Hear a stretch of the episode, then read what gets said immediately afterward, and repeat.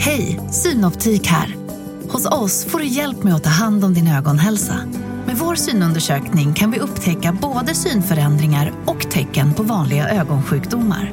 Boka tid på synoptik.se. Hej och välkomna till Lisa läser. Det är jag som är Lisa och idag ska jag läsa sagan om Tifik. Mamma Anka var så lycklig. Det knakade och pep om hennes ägg. Snart skulle de spricka och hon skulle ha en hel kull med små gula ankungar. Men ett av äggen rullade iväg. Det lät ingenting alls om det. Vad kan det betyda? undrade mamma Anka bekymrat.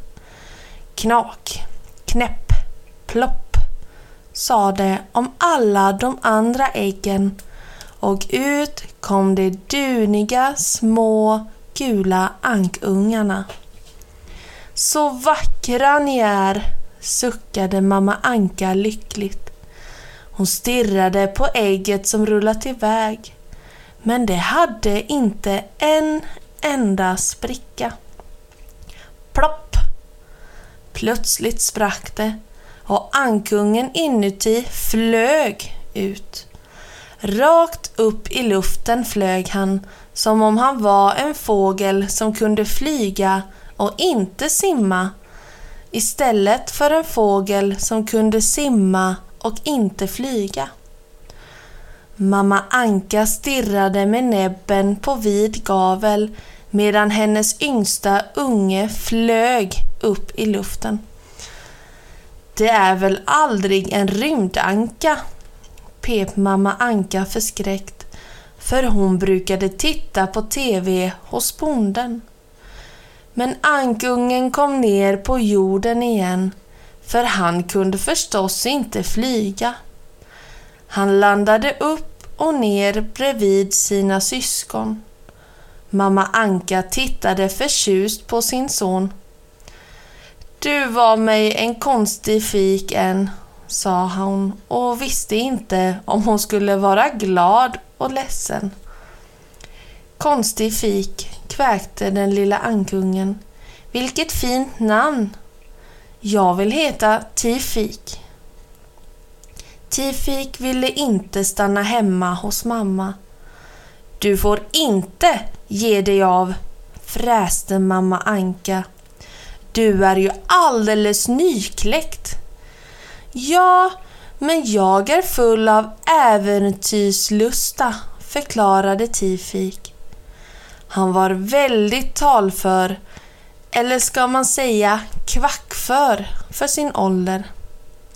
Spar den tills du blev stor, skrek mamma Anka. Hon måste skrika, för Tifik hade redan gett sig av. Tifik gick och gick. Han trodde att han kom till ett väldigt spännande ställe. Men han hade inte kommit längre än till bondgården. Bondens fru höll på och städade i köket. Hon tyckte inte om att städa, så hon skyndade sig allt hon kunde för att få det överstökat. Hon var ganska närsynt. När Tifik satte sig på en träsked för att vila trodde hon att han var en dammvippa. Den hade jag glömt att jag hade, sa hon för sig själv och tog Tifik ankträskedsdammvippan. Tifik klamrade sig fast allt han orkade medan bondhustrun lyfte upp träskeden och dammade tavlorna. Sedan viftade hon med den åt sidan och dammade klockan. Och sen höll hon den neråt och dammade inuti en vas. Tifik var alldeles yr och full av damm när hon äntligen var klar. Han kilade iväg så fort han kunde, så fort hon hade lagt ner träskeden. Han ville ut genom dörren, men han hade så mycket damm i ögonen att han sprang åt fel håll och körde huvudet i väggen. Just då kom bondens son Fred hem från skolan. Han såg inte Tifik som satt på golvet och försökte gnida dammet ur ögonen. Fred tog av sig mössan när han kom in. Det gjorde han jämt. Han kastade den tvärs över rummet och försökte få den att hamna på kroken som satt på väggen ovanför Tifik.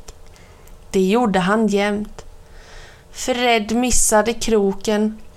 Det gjorde han också jämt. Mössan ramlade på golvet. Det gjorde den jämt. Men det här var första gången det satt en ankunge på golvet. Mössan hamnade ovanpå Tifik och nu hände det något som aldrig hade hänt. Mössan sprang iväg tvärs över golvet. Fast det var ju bara Tifik. Han trodde att taket hade ramlat ner på honom och han försökte skaka av sig det medan han sprang. Fred trodde att det var trolleri.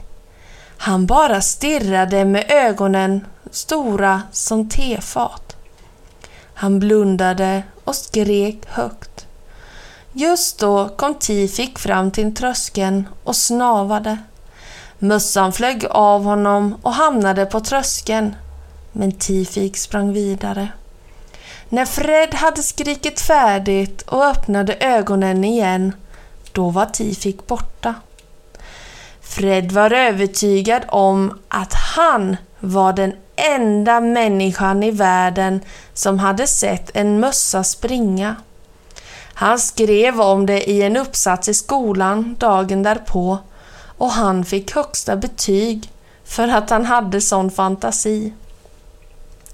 Tifik glömde även sin äventyrslusta på bondgården. Han sprang dit näbben pekade. Det var mot ankdammen.